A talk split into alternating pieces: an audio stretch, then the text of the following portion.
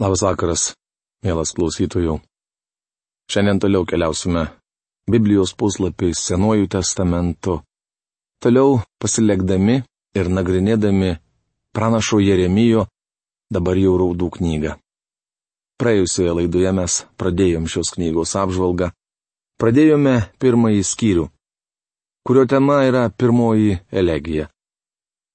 Po maldos aš jums perskaitysiu pirmąją, aštuntąją, dvyliktą ir aštuonioliktą šios knygos pirmojo skyriaus mūsų nagrinėjamas eilutes ir mes tęsime rašto apžvalgą. Dangiškasis tėve, dėkojame tau už dar vieną dieną, kurią galėjome gyventi, tik tai todėl, kad tu buvai esi ir pažadėjai būti maloningas kiekvienam, kuris nusigrėžė šiame gyvenime nuo nuodėmių ir atsigrėžė į tave gyvą į Dievą. Dėkojame tau, kad tu mums tokį save apreiškiai šventajame rašte, Biblijoje, ir kad šį vakarą nėra išimties. Mes galime prieiti ir priklopti prie tavo kojų.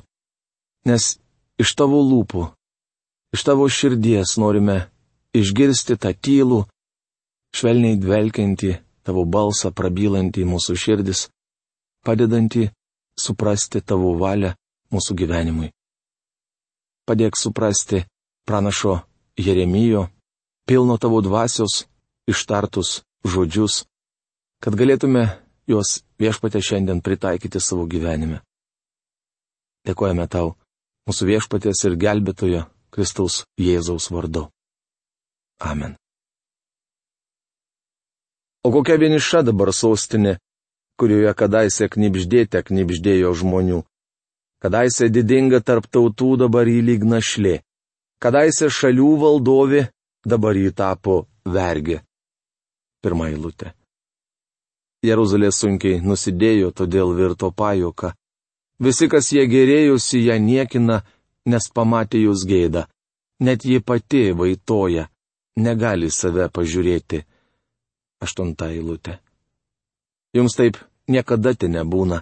Visi, kurie einate šiuo keliu, pažvelkite ir pamatykite, ar yra toks skausmas kaip tas skausmas, kuris ištiko mane, kai viešpats man kirto savo degančio pykčio dieną. Tai dvylikta eilutė. Ir aštuoniolikta. Viešpats teisus, nes aš maištavau prieš jo žodį. Betgi klausykitės visos tautos. Pasižiūrėkite į mano skausmą. Mano jaunuolis ir jaunuoliai išėjo į nelaisvę. Jeremijas šaukėsi Dievo, nes norėjo žinoti, kodėl Jeruzalė ištiko tokius negandus. Dievas patikino pranašą, kad su Jeruzalė pasielgė teisiai ir teisingai. Šios kiriaus dvyliktoje eilutėje skaitome, kad Jeremijas uždavė dar vieną skausmingą klausimą. Ar tai nieko nereiškia jums einantieji pro šalį? Kitaip tariant, ar jums tai nerūpi, ar tai jūsų niekiek nejaudina? Žmogus nenori pripažinti fakto, kad Dievas pyksta ant nuodėmės, tačiau noriai priima teiginį, kad Dievas yra meilė. Tai tiesa ir bažnyčiai reikia išmokti gyventi Dievo meilėje. Dažnai mes to nedarome, tačiau, regis, pernelyg dažnai išskiriame šią Dievo savybę iš kitų. Nedėlėtų užmiršti, kad Dievas yra teisus, šventas ir teisingas visuose savo darbuose. Taigi, ką Jūs manote apie savo nuodėmę ir pyktį, kurį ją jaučia Dievas? Ar Jums tai nerūpi? Jeremijas sėdėjo ir raudojo dėl mylimojo miesto. Niekas kitas to nedarė. 137 psalmėje skaitome, kad Babilone judo belaisviai sėdėjo ir verkė Siono kalną atsiminę. Jie meldė keršto ir, manau, turėjo tam teisę. Bet nežinau, ar tauta nuoširdžiai atgailavo. O gal jų atgaila buvo panašiai į vagies, kuris gailisi, kad jį pagavo, bet ne dėl savo vagiliavimo. Kaip jau minėjau, belaisviai, sėdėdami prie Babilono upių, verkė, tačiau verkė ir Jeremijas. Jis raudojo Jeruzalės, kuri buvo virtusi pelenais ir griuvėsių krūva. Nors pranašas buvo laisvas, jis liūdėjo ir silvartavo. Vėl norėčiau grįžti prie religinių televizijos laidų. Dažnai jos būna sklandžios ir profesionaliai paruoštos. Manau puiku, jei bažnyčia sugeba ką nors daryti profesionaliai. Tačiau mane neramina tai, kad toje laidoje nesykio nebuvo paminėtas žodis nuodėmė. Jos kuriejai neakcentavo, kad Dievas yra teisus ir privalo nubausti mūsų nuodėmes. Žinoma, Kristaus gimimas iš mergelės, jo dieviškumas, mirtis ir prisikėlimas - labai svarbus Evangelijos aspektai, tačiau kyla klausimas, kodėl jis numirė. Tas pats klausimas užduodamas ir 22 psalmės antroje eilutėje. Mano Dieve, mano Dieve, kodėl mane palikai? Šios žodžius mūsų viešpats ištarė, kabėdamas ant kryžiaus. Atsakymas į šį klausimą užrašytas toje pačioje psalmėje. O juk tu šventasis, tavo sostas Izraelio šlovės giesmės. Jis yra šventas ir teisus. Kristus numirė ant medžio, nes mes su jumis esame nusidėjėliai, verti pragaro ir ten einantys. Pažvelkite į Kristaus kryžių. Ar tai nieko nereiškia jums, einantieji pro šalį? Rašoma raudų knygos pirmos kiriaus dvyliktoje eilutėje. Jis neprivalėjo mirti. Kristus kentėjo kaip ne vienas žmogus niekada nėra kentėjęs. Dievas apleido jį, tačiau neapleis jūsų, kol gyvas būsite. Jis apleido Kristų, kad jam nereikėtų apleisti jūsų. Leiskite paklausti, ar jums tai nieko nereiškia? Makčiainas buvo nuostabus Dievo vyras gyvenęs su viešpačiu. Jis parašė eilėraštį, kurį pavadino Jahvė Citkenu. Išvertus tai reiškia viešpats mūsų teisumas. Apie tai kalbama Jeremijo knygos 23 skyriaus 6 ir 33 skyriaus 16 eilutėse. Šį eilėraštį Dr. Ironsaidas cituoja savo veikale pastabos apie Jeremijo pranašystės ir raudas.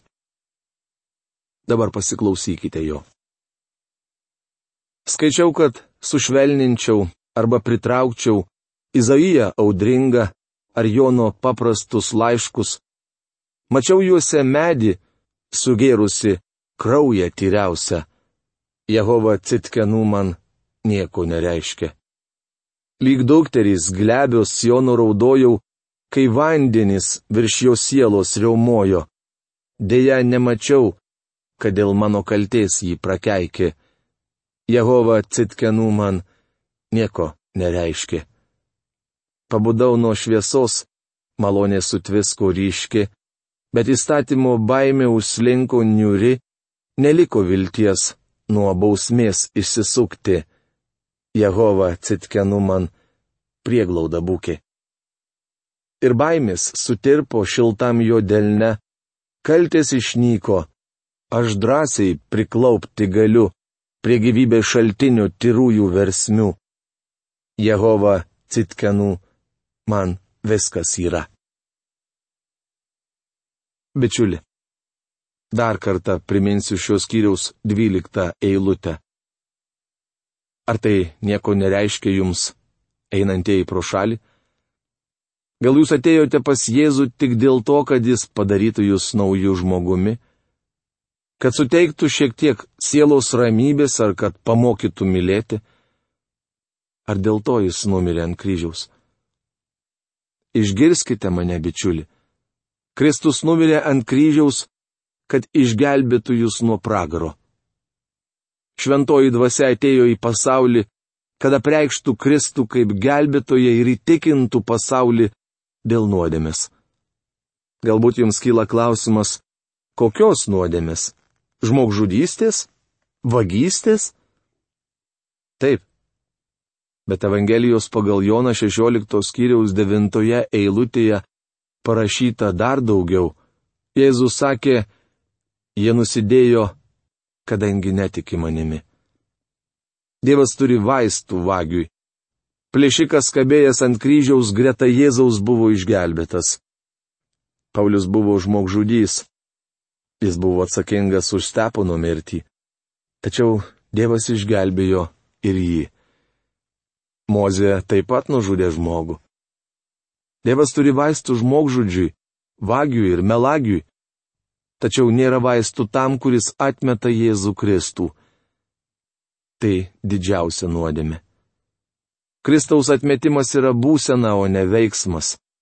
Kristaus neįmanoma atmesti veiksmu, tačiau galima palaipsniui pasiekti tokią būseną, kai Kristus ir visa, ką jis dėl jūsų padarė, taps beprasmiška. Jeruzalės gyventojai peržengė ribą ir Dievas sakė Jeremijui, nesijaudink, kad jie tavęs neklauso. Net jei juos užtartų Mozė, Elijas ar Samuelis, aš neatsakyčiau į jų maldas. Per vėlu. Jie peržengė ribą. Panašiai ir šiame rafinuotame amžiuje daugelis yra peržengę ribą. Tiesa, mes negalime nuspręsti, kada žmogus galutinai atmeta Kristų. Mačiau, kaip atsiverčia nusidėjėliai, kuriuos aš būčiau laikęs visiškai beviltiškais. Vienas iš tokių vyrų gyveno San Francisko įlankos regione. Jis buvo narkomanas, įvykdęs keletą nusikaltimų tačiau žmogus stebuklingai atsivertė. Taigi, nei jūs, nei aš negalime pasakyti, kada nusidėjėlis peržengė ribą. Visgi tai atsitinka. Kaip matome, Jeruzalė buvo atstumusi Dievą. Reikia pasakyti, kad jį gali atstumti ir kiekvienas žmogus. Norėčiau užduoti klausimą, ką Jėzus Kristus reiškia jums. Ką jums reiškia jo mirtis? Ar tai nieko nereiškia jums, einantieji pro šalį? Jeremijo raudų knygos antras skyrius. Tema antroji elegija. Viešpats elgėsi kaip priešas ir sunaikino Izraelį. Sunaikino visus jo rūmus, grūvėsiais pavertė jo tvirtovės, sustiprino judo dukters, verksmą ir raudą. Raudų knygos antros kiriaus penkta eilutė. Jeremija sako, kad Dievas prisėmė visą atsakomybę už nebukad necarų veiksmus. Jis leido Babilono karaliui sunaikinti Jeruzalę. Dievas panaudojo jį kaip rykštę. Tikriausiai prisimenate, kad bausdamas Izraelį viešpats panaudojo asirus. Ar kada susimastėte, Kodėl Dievas leidžia, kad kai kurie žmonės pastotų jums gyvenimo kelią? Ar niekada nepagalvojote, kad verčiau niekada nebūtumėte sutikęs vieno ar kito žmogaus? Ar pažįstate žmonių, kuriuos pavadintumėte savo priešais? Galbūt kažkas jūs nuskriaudė, tačiau visa tai įvyko pagal Dievo valią. Jis leido, kad tai įvyktų, nes turi kažkokį tikslą. Mokykitės savo gyvenime matyti Dievo ranką. Viešpats paniekino savo aukurą, išsižadėjo savo šventyklos, atidavė į priešų rankas jos rūmų sienas. Jie šūkavo viešpaties namuose, kaip iškilmių dieną. Jeremijo raudų knygos antros kiriaus septinta eilutė. Kaip žinome, Dievas pats buvo nurodęs, kaip statyti šventyklą ir kitados buvo pripildęs ją savo artumu. Dabar, kalbėdamas apie ją, jis sako, vieną dieną aš išsižadėjau savo šventyklos. Bažnyčios nariams reikia ištirti savo gyvenimą. Ar tai, kad jūs lankote bažnyčią, teikia Dievui malonumą? O gal tai trukdo jo darbams? Su kokia nuostata ateinate į tikinčiųjų susirinkimą? Pasirengęs tarnauti ar kritikuoti? Ar Dievo dvasia gali jūs naudoti? Manau, bažnyčios lankymas gali virsti nuodėme. Ar žinote, kur buvo pavojingiausia būti tą naktį, kai religiniai vadovai suėmė Jėzų? Gal manote, kad su ta grupe niekšų, kurie rengėsi Jėzų nužudyti? Ne, bičiuli. Ta naktį pavojingiausia vieta buvo aukštutinis kambarys, kur Jėzus atsivedė savo mokinius. Ar žinote kodėl? ten buvo šitonas. Jis pakino Judą Iskarijotą išduoti viešpatį ir sukurstė Simoną Petrą jo išsiginti. Jei lankote bažnyčią, dar nereiškia, kad patinkate Dievui. Siono dukters seniūnai, tylėdami sėdė ant žemės. Jie dulkėmis pasibarstė galvas ir apsijuosė ašutinę. Jeruzalės mergaitės nuleido galvas lygi žemės. Raudų knygos antros kiriaus dešimta eilutė. Po Jeruzalės sugriovimo išoriškai gedėjo visa tauta. Bet paklausykite, kaip ši neganda paveikė Jeremiją. Nuo ašarų aptemo manakis, aš visas sukrestas. Man tulžis liejasi ant žemės, dėl dukters mano tautos sunaikinimo. Vaikai ir kūdikiai alpsta miesto aikštėse. Raudų knygos antros skyrius, vienuolikta eilutė. Žodžiai, nuo ašarų aptemo man akis reiškia, kad pranašas taip verkė, jog užtino jo akis ir jis nebegalėjo matyti. Posakį, aš visas sukrėstas, profesorius Algirdas Jurienas verčia taip. Susijaudino mano viduriai. Ši nelaimė draskė pranašui širdį, gadino jam sveikatą. Jeremijas tikrai nebuvo abejingas tam, kas vyksta. Brangus bičiuli, ar mes iš tiesų dalyvaujame Dievo darbuose? Ar esame pasiryžę aukoti net savo sveikatą? Ar atsiduodame Dievui? Kas tik praeina tavo keliu, tas matydamas tave ploja rankomis. Jie švilpia ir kraipo galvas, žvelgdami į dukterį Jeruzalę. Nejau tai miestas, laikytas gražiausiu visos žemės džiugesiu. Jeremijo raudų knygos antros skyriaus penkiolikta eilutė. Priešai džiugauja dėl Jeruzalės skurdo. Kartais aš griežtai atsiliepiu apie nūdienos bažnyčiaus būklę. Esu palikęs pastoriaus tarnystę bet ne Dievo darbą. Ir turiu paklausti savęs, kiek aš padedu tarnaujantiems broliams. O gal manęs nejaudina bažnyčios problemos? Gal aš tik sėdžiu nuo šaly ir visus kritikuoju? Ar bažnyčios bėdos liūdina mano širdį? Galiu pasakyti, kad nesu abejingas tam, kas dedasi bažnyčiose ir noriu drąsinti pastorius, kurie ištikimai moko Biblijos tiesų. Lengva kritikuoti tai, kas mūsų visai nejaudina. Jeremijo raudų trečias skyrius. Tema - trečioji elegija. Visi raudų knygų skyriai parašyti akrostichu. Tai reiškia, kad kiekvieną iš šių skyrių sudaro 22 eilutės, kurios prasideda vis nauja hebrajų alfabeto raide. Vienintelė išimtis yra trečias skyrius. Jį sudaro 66 eilutės, tai yra kiekvienai hebrajų alfabeto raidai skiriamos trys eilutės. Aš esu žmogus matęs skausmą nuo Dievo pykčio lasdos. Jis varė mane vis giliau ir giliau į tamsybės, be jokios šviesos. Tik prieš mane jis vis kelia ir kelia ranką visą dieną. Jis sunešiojo mano kūną ir odą, sutrupino man kaulus. Jeremijo raudų knygos trečios skyriaus pirma ketvirta eilutės. Kai matome, Jeremijas patyrė daug sunkių išgyvenimų. Rūpestis dėl Jeruzalės sugadino jam sveikatą. Pranašas nebuvo abejingas tautos sunaikinimui.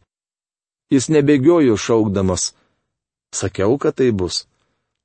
Iš tikrųjų, Jeremijas jautė didelį sielvartą, bet to jo jausmai atskleidžia mums dievų jausmus. Dievas nepasitraukia. Jis lydi savuosius. Laiško hebrajams 13 skyriuje penktoje eilutėje parašyta Niekada aš tavęs nepaliksiu ir neapleisiu. Brangus bičiuli, Nors jums būtų labai sunku, galite nebejoti, jog viešpats nepasitraukė. Bet viltis sugrįžta, atsiminus, kad ištikimoji viešpaties meilė niekada neišsenka, gailestingumo jam niekada nepristinga. Kas rytą jie nauji, didelė tavo ištikimybė. Viešpats yra mano dalė, sakau savo, todėl į jį dėsiu viltis. Jeremijo raudų knygos trečios skyriaus 21-24 eilutės. Paskutinius tris raudų knygos skyrius aš pavadinčiau taip. Rytojus tampa vakarykštė diena. Skaitydami juos matome, kad Jeremija žvelgia į praeitį. Jis pranašavo bausmę Jeruzaliai, o dabar sėdi pelenuose tarp griuvėsių ir su ašaromis akise rašo raudas. Šios eilutės yra vienintelė linksma gaida visose penkiuose raudose. Ištikimoji viešpatės meilė niekada neišsenka, gailestingumo jam niekada nepristinga. Kas rytą jie nauji didelė tavo ištikimybė. Nors Dievo bausmė buvo griežta, daugelio nuomonė pernelyg griežta, Jeremijas matė gailestingą Dievo ranką. Jei ne jo gailestingumas, tauta nebūtų išlikusi. Ji buvo verta sunaikinimo. Dievas būtų pasielgęs teisingai, nušluodamas ją nuo žemės paviršiaus. Ar Judas buvo išsaugotas dėl savo nuopelnų? Žinoma, kad ne. Tai vyko tik dėl Dievo ištikimybės. Dievas buvo pažadėjęs Abromui, kad padarys iš jo tautą. Judas ir buvo ta tauta. Mozėjas buvo žadėjęs nuvesti Izraelį į pienų ir medumi tekantį kraštą. Jozai sakė, jog padės jiems tenai įsitvirtinti. Dovydui davė pažadą atsiųsti per jo giminystės liniją palikuonį viešpatausiantį per amžius. Visi pranašai sakė, jog Dievas neišnaikins visos tautos, bet baus ją už jos nuodėmę. Dievas ištikimas. Jis baudė savo tautą, bet jos neišnaikino. Visuomet buvo ištikimas likutis, kuris galiausiai vėl išaugo į didelę tautą. Tikriausiai jums kyla klausimas, ar Dievas baus mūsų tautą? Daugelis mano, kad ne. Bet mano nuomonė jie klysta. Mielas bičiuli, tai be galo svarbus klausimas. Ir aš noriu, kad jūs su juo pasiliktumėte. Ir kad ne vienas neturėtumėte ramybės per visą savo gyvenimo dienas, kol netrasite atsakymų į tą klausimą. Mėlyjei tauta prasideda nuo manęs, nuo mano požiūrio, nuo mano poelgio, nuo mano pasirinkimo. Mano malda už jūs, kad jūsų pasirinkimai būtų tinkami ir teisingi. Ir tam, kad padarytumėte tuos pasirinkimus teisingai, jums reikalingas Dievo žodžio išmanimas. Tai yra tikėjimas, pamenate, kaip romiečiams laiške parašyta. Tikėjimas iš klausimo. Klausimas, kai yra skelbiamas Dievo žodis. Įsiklausykite į tai. Iki greito susitikimo. Sudė.